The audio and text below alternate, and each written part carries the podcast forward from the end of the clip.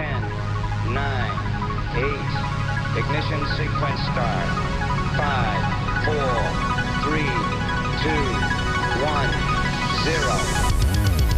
Quantum leap. Salto quântico. Salto quântico. Salto quântico. Salto quântico. Quantum Salto quantico. Salto quantico. Salto quantico. Kvantum, det du inte visste att du ville veta. Morgens på er, Markus Rosenlund här. Vi har nu passerat höstdagjämningen, så natten är nu längre än dagen för de kommande dryga fem månaderna. Apropå det, vad håller solen på med just nu? Nå, av allt att döma så vilar den just nu. På spaceweather.com kan vi läsa att vi nu är mitt inne i det djupaste solfläcksminimum. Solen har varit fullständigt fläckfri nästan tre fjärdedelar av det här året. 73 procent närmare bestämt. Det är lika mycket som under 2008 som var året för det förra solfläcksminimum. Under sommaren nu i år, från 21 juni till 22 september, var solen utan fläckar 89 procent av tiden. Vi får gå mer än ett sekel tillbaka för att hitta ett lika djupt solfläcksminimum. Men nu i somras fick vi också ett tecken på att nästa solfläckscykel är runt hörnet. Den 7 juli dök den första solfläcken upp som associeras med nästa cykel, nummer 25. Eh, man vet det eftersom den hade en omvänd polaritet jämfört med fläckarna från cykel 24, den som nu håller på att ta slut. Vad betyder solfläcksminimum då i praktiken?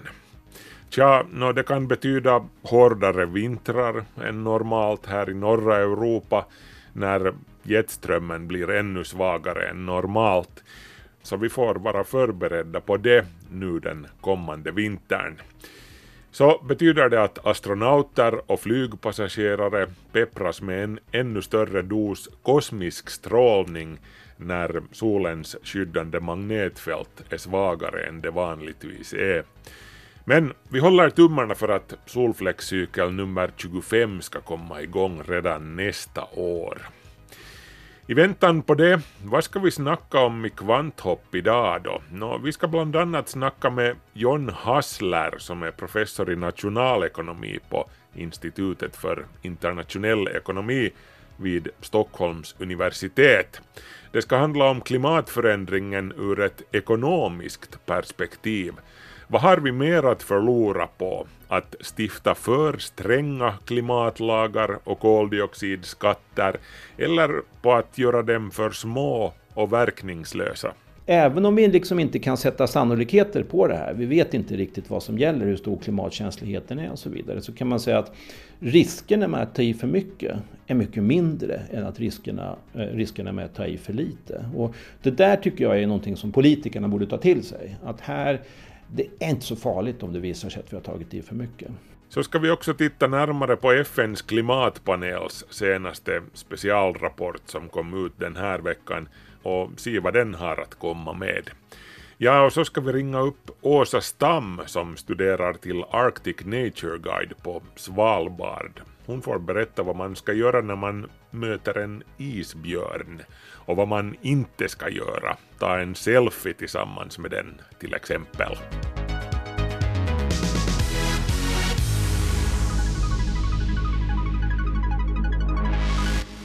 Sådant på kommande. Härnäst blir det notiser.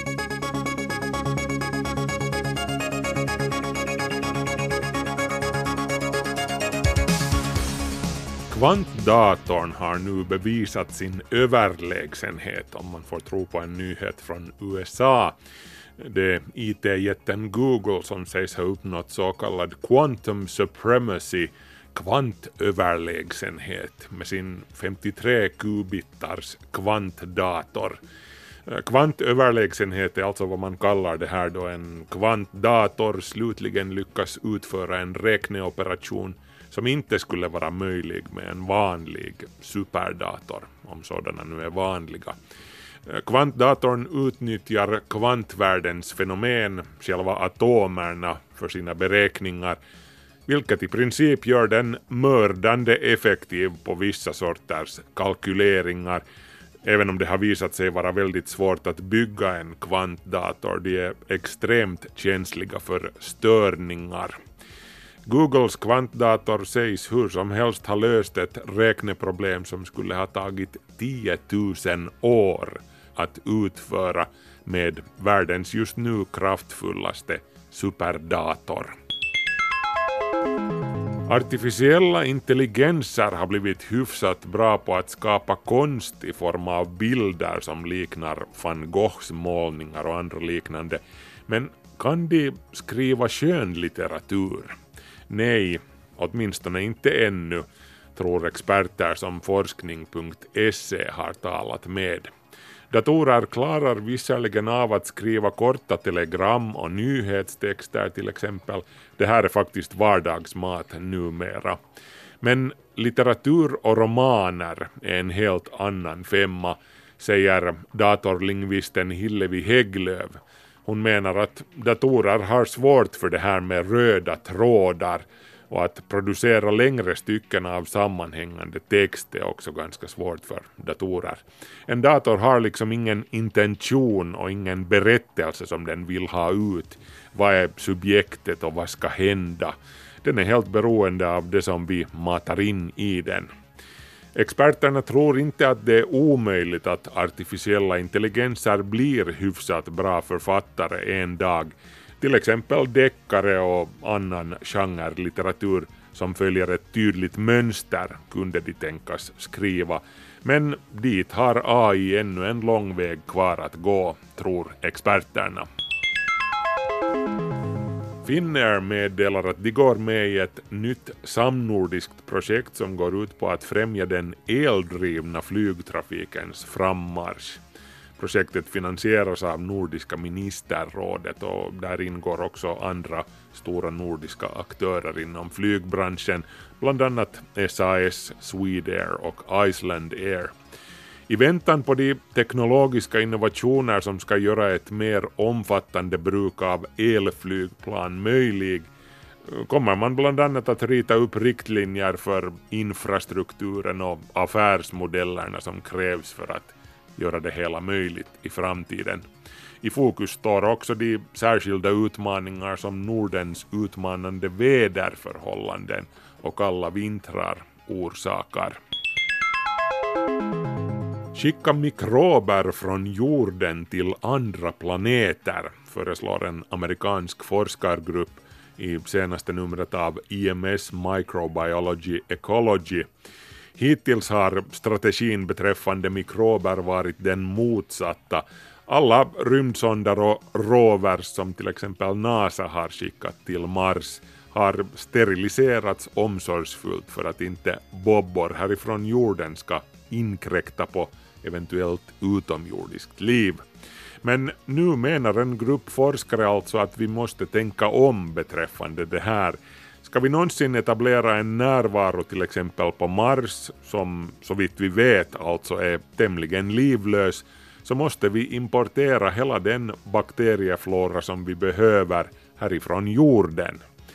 Eh, kvävebindande bakterier till exempel så att vi ska kunna odla på Mars i framtiden och så vidare. Och nedbrytande bakterier för komposterna till exempel. För att de ska ha tid att slå rot i den marsianska marken så behöver vi skicka dit dem redan nu, anser alltså de här forskarna.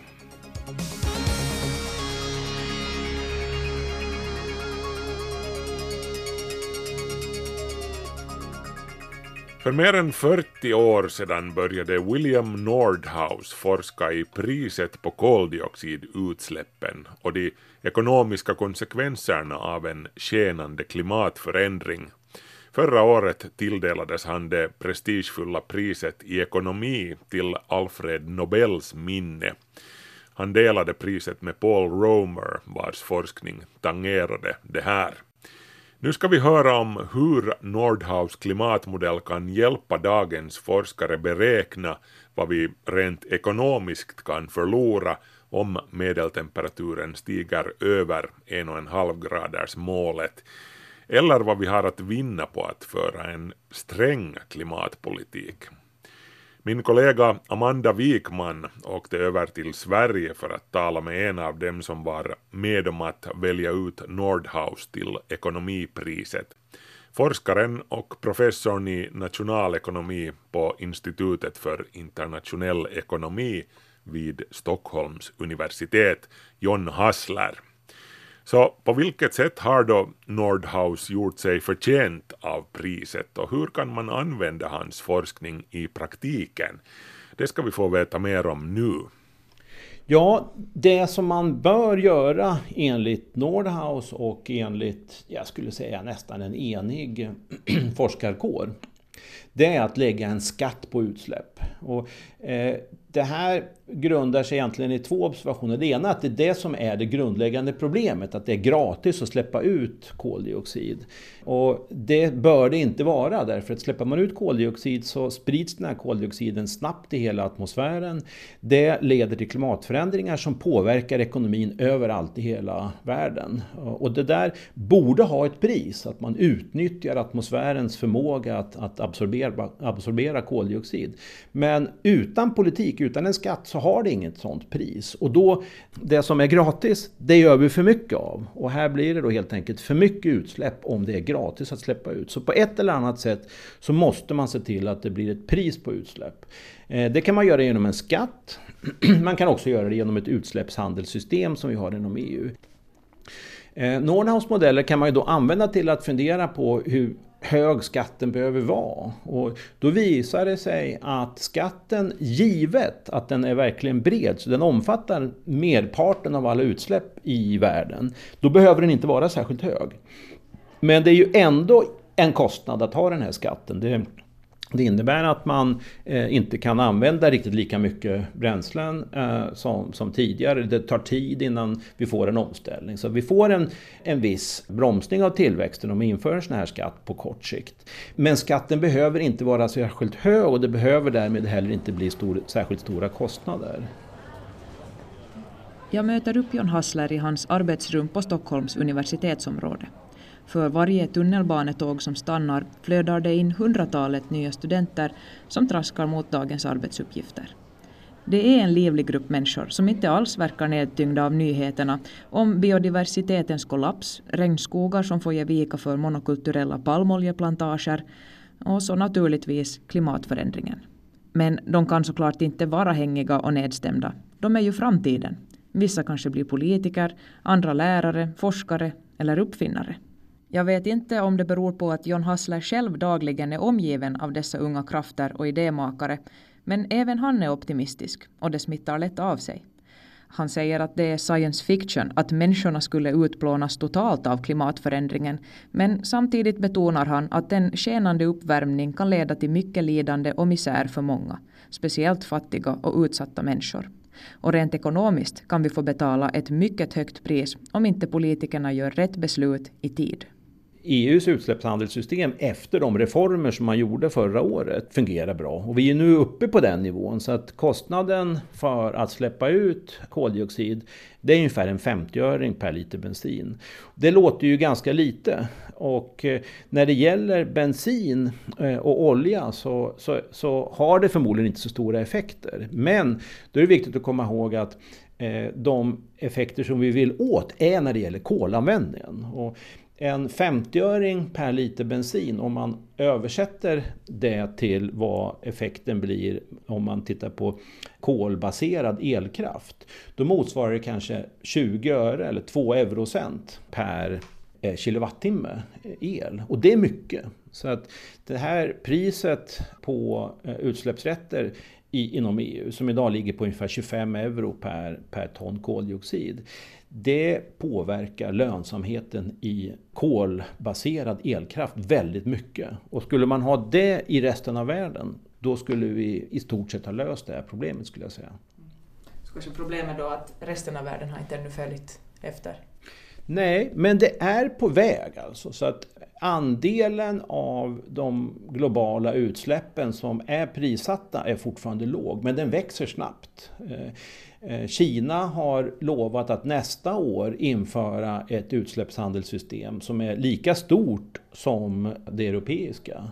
Jag måste säga att jag är ganska optimistisk. Eh, och eh, en orsak till det är att det sägs ibland att det är en omöjlighet att tänka sig en global överenskommelse om ett pris på utsläpp.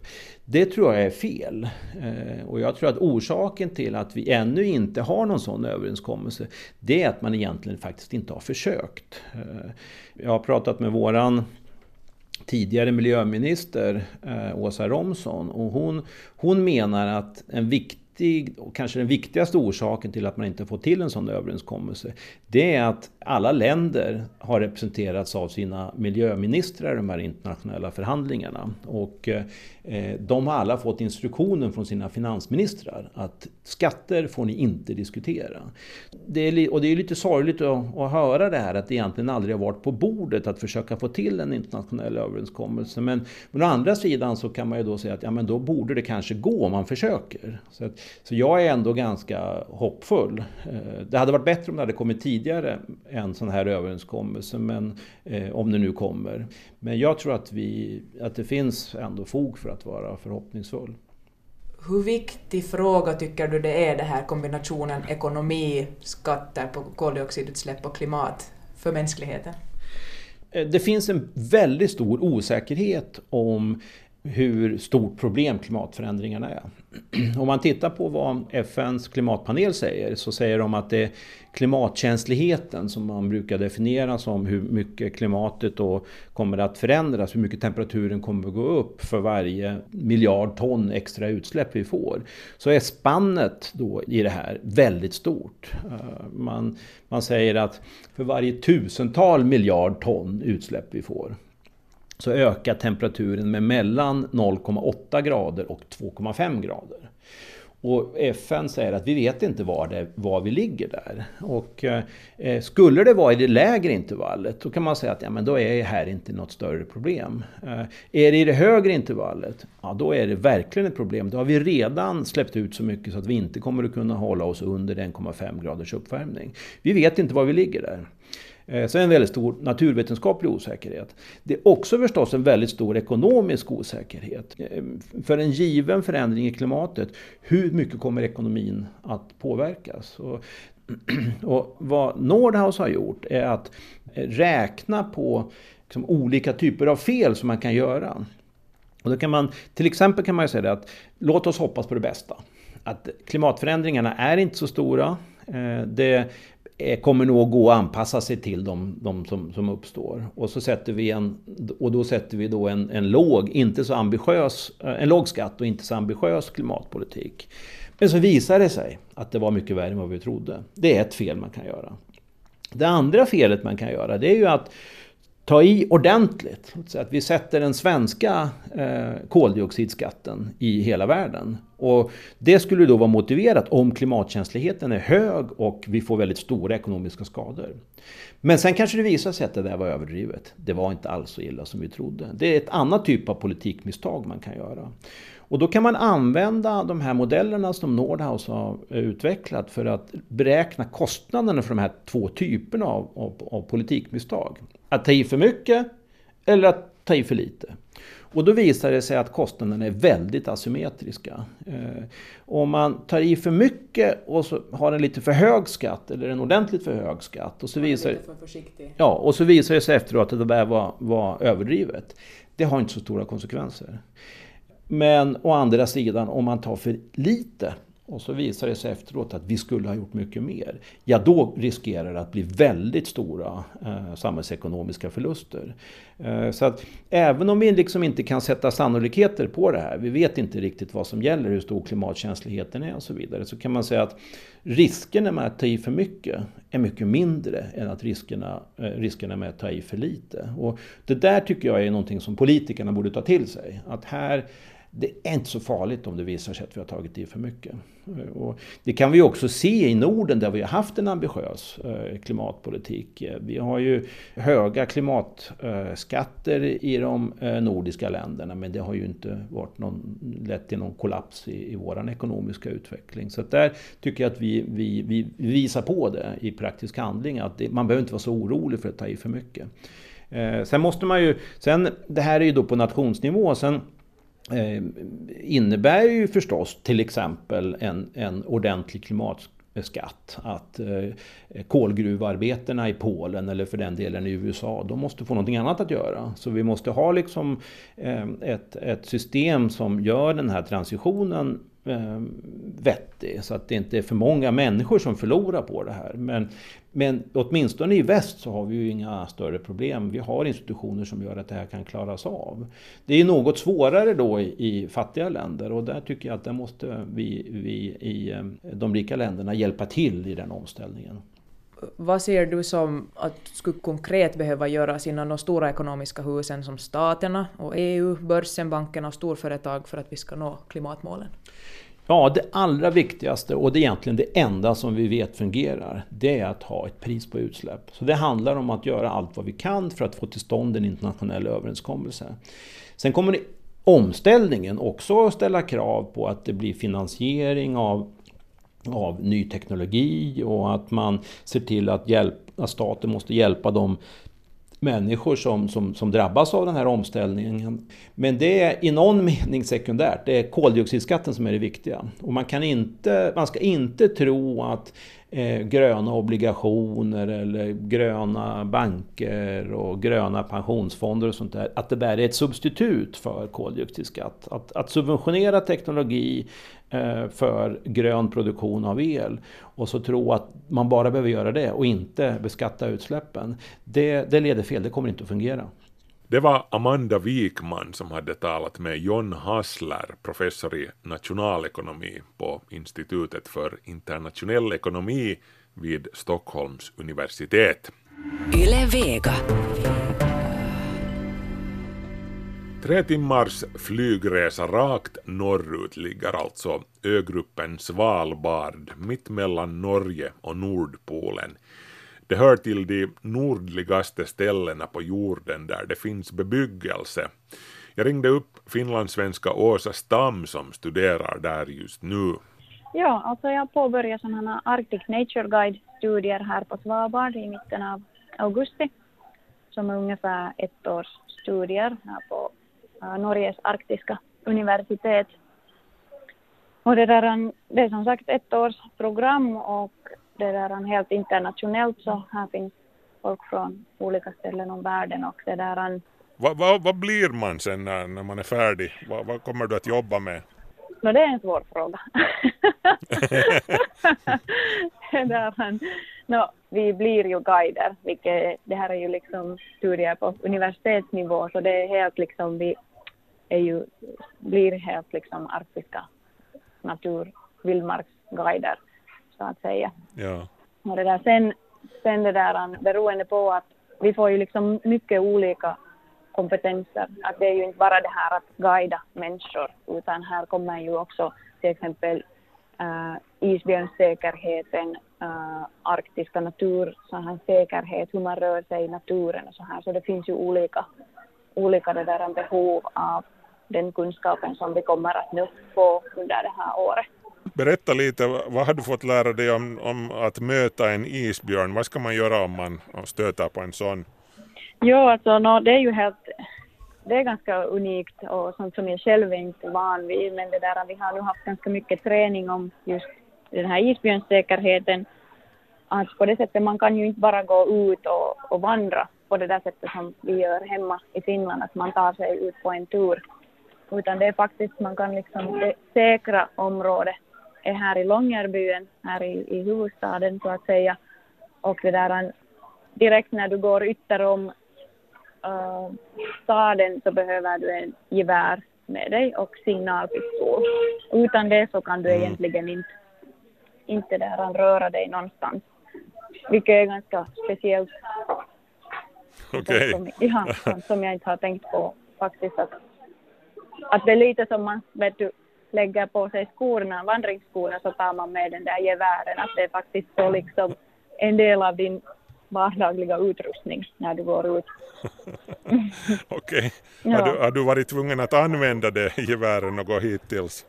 Nå, alltså bara när vi har tränat. Att vi får en ganska så här grundlig träning inom det här äh, vapenbehandlingen, vilket är jättebra.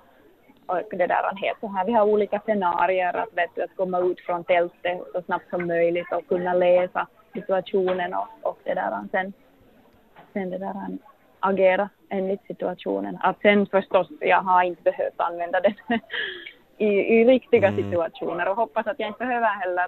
Att vi är ju inte här för att skjuta isbjörnar utan det är ju deras, deras land.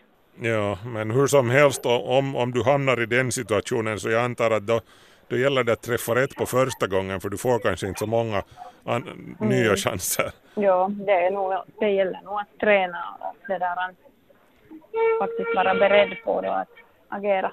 Ja. Hur, hur mår isbjörnarna? De har ju blivit liksom lite en symbol för, för klimatuppvärmningen. Man ser väldigt ofta bilder av isbjörnar på ett smältande isflak och, och så här. Hur, hur illa trängda är de enligt din erfarenhet? De är, de, de är faktiskt, de, isbjörnen så är väldigt så här anpassande djur. Mm. Och det där, på grund av mildare klimat så anpassar de sig, vilket är bra. Men egentligen det som de anpassar sig till är att komma närmare människan och närmare mat som vi har. Mm. Och det där, det är lite, lite det där, helt inom fem år så har den där isbjörns beteende ändrats ganska drastiskt. Är det för att de inte hittar mat i det fria eller, eller är de annars bara vet du, lite som hundar att de söker sig nära människan för det är liksom bekvämare eller? Uh, nej, no, det är egentligen, det hör till deras beteende att, att eh, på hösten så, så när det börjar bli kallare så bildas det is och det där, de börjar vandra då upp liksom norrut för att sen de, de jagar ju säl för det mesta eller äter Mm. säl för det mesta och det där, nu när inte den där, det blir senare och senare som den där isen bildas så det där, så har de inte möjlighet att ta sig norrut efter den här sommaren. Sommaren är ju den tiden när de är som hungrigaste. De Ja. äter ju inte så mycket på sommaren. Så sen just den här hösttiden, faktiskt just nu, så, så, så är de faktiskt allra magraste och hungrigaste. Och nu väntar de då bara på att det där isen ska bildas så att de kan dra sig norrut och det där, då få mat.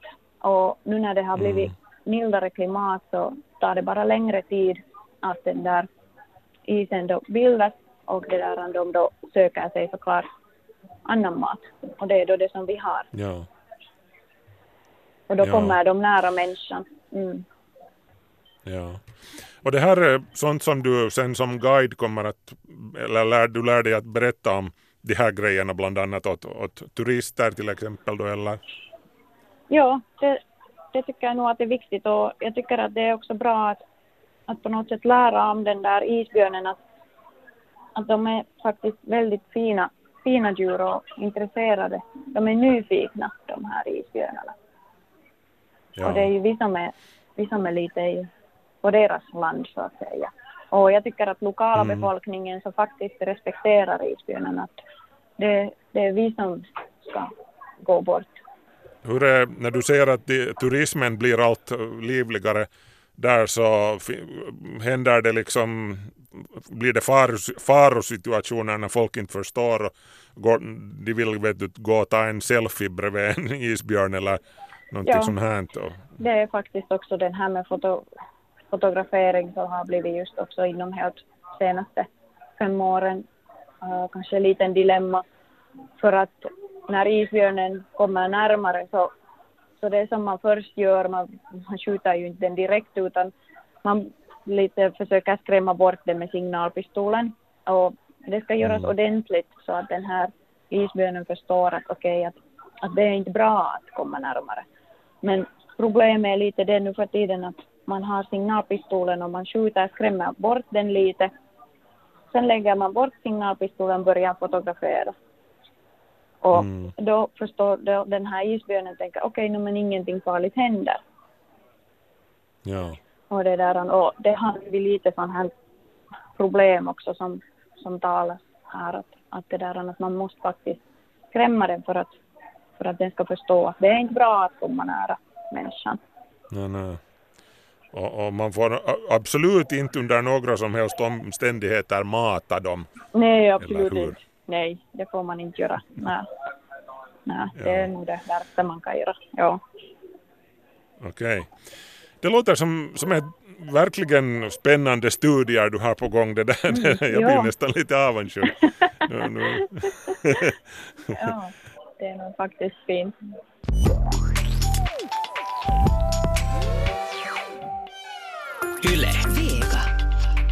Tack till Åsa Stam för den pratstunden. Den senaste specialrapporten från FNs klimatpanel har havet, isen och snön som tema. Den ska vi titta närmare på härnäst. Det här är en Svenska Yle-podd. Som journalist vill man ju helst komma med positiva och konstruktiva klimatnyheter och inslag. Det finns på tok för mycket domedagsprofeter i farten. Jag vet att jag själv tidvis sällar mig till den skaran. Och jag börjar alltmer märka att det här är ganska tröttsamt och stressande. För, för det är ju mina egna barns framtid som jag målar upp i, i mörka färgtoner.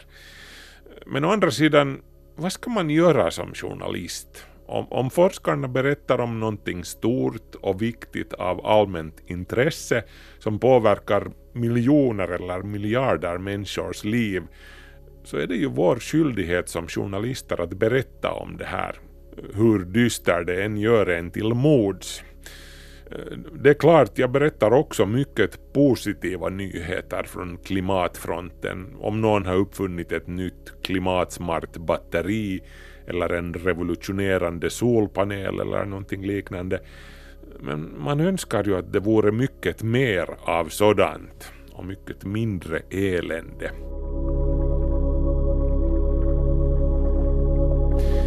Så har vi de här stora grejerna som är aktuella just nu och som vi inte kan undvika, vi journalister. Vilket för oss till den senaste rapporten från FNs klimatpanel IPCC som alltså är den tredje i en trilogi av specialrapporter. Den första kom i fjol. Den kretsade kring vikten av att hålla uppvärmningen under 1,5 grader Celsius.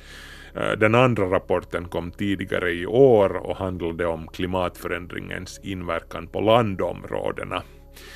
Och specialrapport nummer tre, som alltså kom nu tidigare den här veckan, har havet och kryosfären, alltså isen i alla dess former, och snön som tema. Och vi kan ju säga som så att inte det är ju munter läsning det här heller, nej. Eh, det här är inte en rapport som varnar för vad som händer om vi inte får ändan ur vagnen och om vi går över den där en och en halv graders gränsen eller no, jo, den, den varnar nog lite för det också, men, men det här är först och främst en rapport som slår fast vad som redan nu händer och vad som kommer att hända härnäst. Jag upprepar alltså, vi snackar huvudsakligen inte om vad som kommer att hända om. Vi, vi snackar om vad som kommer att hända i vilket fall som helst. Och som sagt, det som redan pågår. Det handlar alltså allt mindre om hur vi kan motverka klimatförändringen och allt mer om att vi får lov att anpassa oss till den så gott vi kan. Del 3 i trilogin är helt klart den mest lakoniska om vi säger som så. Det är inte så lite håll i hatten mellan raderna här.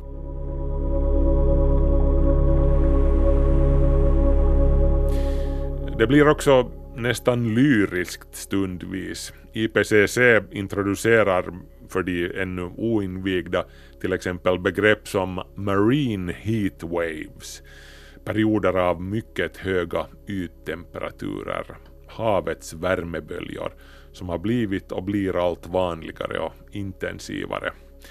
Havets värmeböljor och den accelererande is samt snösmältningen är saker som vi kan observera redan nu Och de beror inte på vad vi kommer att släppa ut. De beror på de utsläpp som redan har skett och som sker medan du lyssnar på det här. Att läget inte redan nu är mycket värre än det kunde vara beror uttryckligen på vattnet på jorden som täcker 71 procent av vår planets yta och 10 procent av landytan i form av is och snö. Havet har hittills offrat sig för oss och låtit oss komma undan med mycket. 90 procent eller mer av överskottsvärmen som har ackumulerats sedan 1970 har tagits upp av oceanerna. Det motsvarar en atombomb av Hiroshima-klassen som exploderar i havets djup varje sekund. Bara några enstaka procent av all värme som har samlats här har blivit kvar i atmosfären. Resten finns där nere i oceanerna.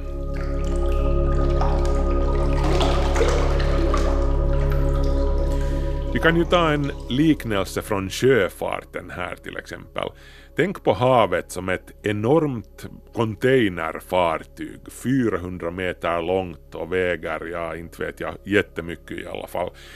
Ett sådant fartyg vänder inte på en femöring om vi säger så. Styrmannen kan hänga på rodret med hela sin vikt. Men det här fartyget kommer ändå att fortsätta rakt framåt en lång tid efter att han börjar eh, gira åt styrbord eller någonting. Men sedan när det här fartyget en gång börjar svänga, då kommer det också att fortsätta svänga ett bra tag framåt. Och svängningen kommer att bli allt brantare. Enligt samma logik så har också haven tagit en god tid på sig att värmas upp men den här takten har mer än fördubblats sedan 1993 enligt klimatpanelens senaste rapport.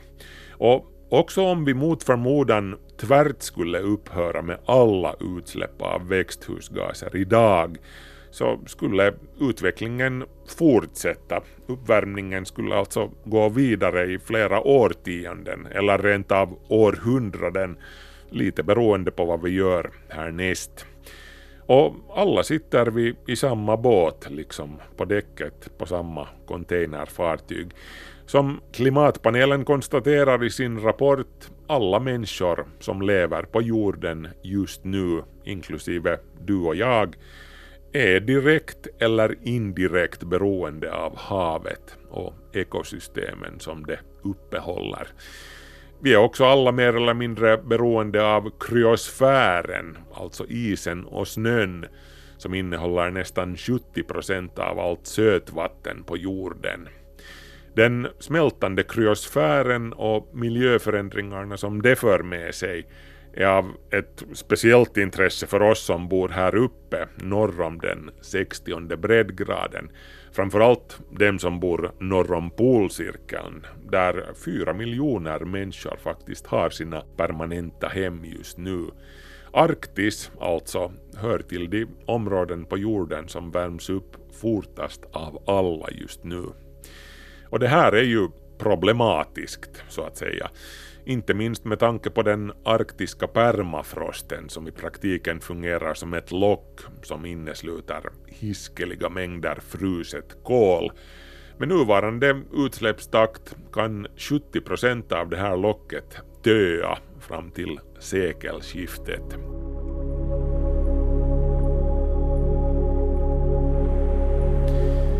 Men det som händer med den arktiska isen berör självklart även dem som bor längre söderut. Mellan åren 2006 och 2015 förlorade bara Grönland en mängd is som motsvarar 2500 iskuber med en kilometer långa sidor. Antarktis, speciellt det sårbara västantarktiska istäcket bidrog med ytterligare nästan 1400 sådana här jätteiskuber, eller motsvarande mängd vatten alltså. Allt det här har bidragit till att de globala havsnivåerna just nu stiger dubbelt fortare än under 1900-talet och takten accelererar enligt IPCCs rapport. Klimatpanelen räknar alltså med att havsnivåerna kan komma att stiga med mellan 60 och 110 centimeter, alltså kring en meter innan det här århundradet är slut. Och det är bara medelnivån. De allt intensivare stormarna med sina brutala stormfloder förvärrar sedan läget ytterligare. Det här i kombination med försurningen som den ökade koldioxiden också orsakar i haven och det stryk som havets ekosystem tar på grund av uppvärmningen och allt det här andra korallreven samt bestånden av fisk och plankton med mera. Allt det här innebär trubbel helt enkelt i en massiv skala. Inte minst för de cirka 680 miljoner människor som redan nu bor på jordens låglänta kustområden, floddeltan och liknande.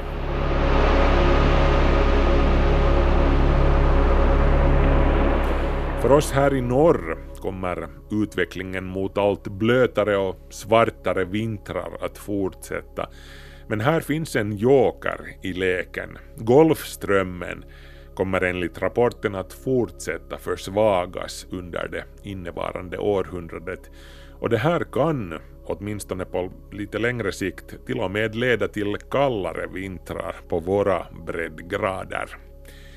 Som sammanfattning av allt det här Ur hav är vi komna, till hav ska vi åter varda, så att säga. Livets historia på jorden började med havet och slutar på ett eller annat sätt med havet, förr eller senare. Allt levande på jorden är och förblir beroende av hur jordens vatten, is och snö och allt det där andra mår.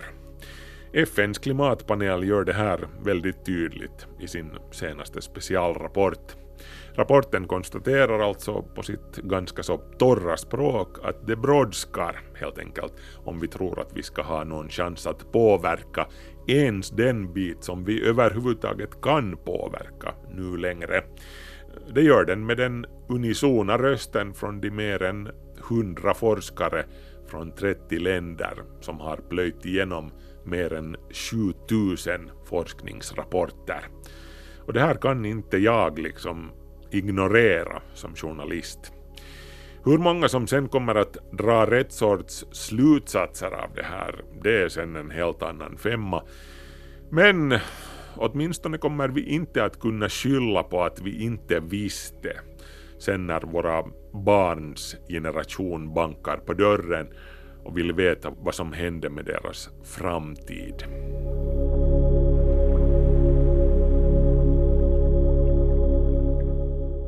Nåja, då har det blivit dags att avrunda Kvanthopp för den här gången. Markus Rosenlund heter jag och jag önskar er en trevlig fortsättning på dagen. Ha det bra, vi hörs. Kvanthopp, det du inte visste att du ville veta.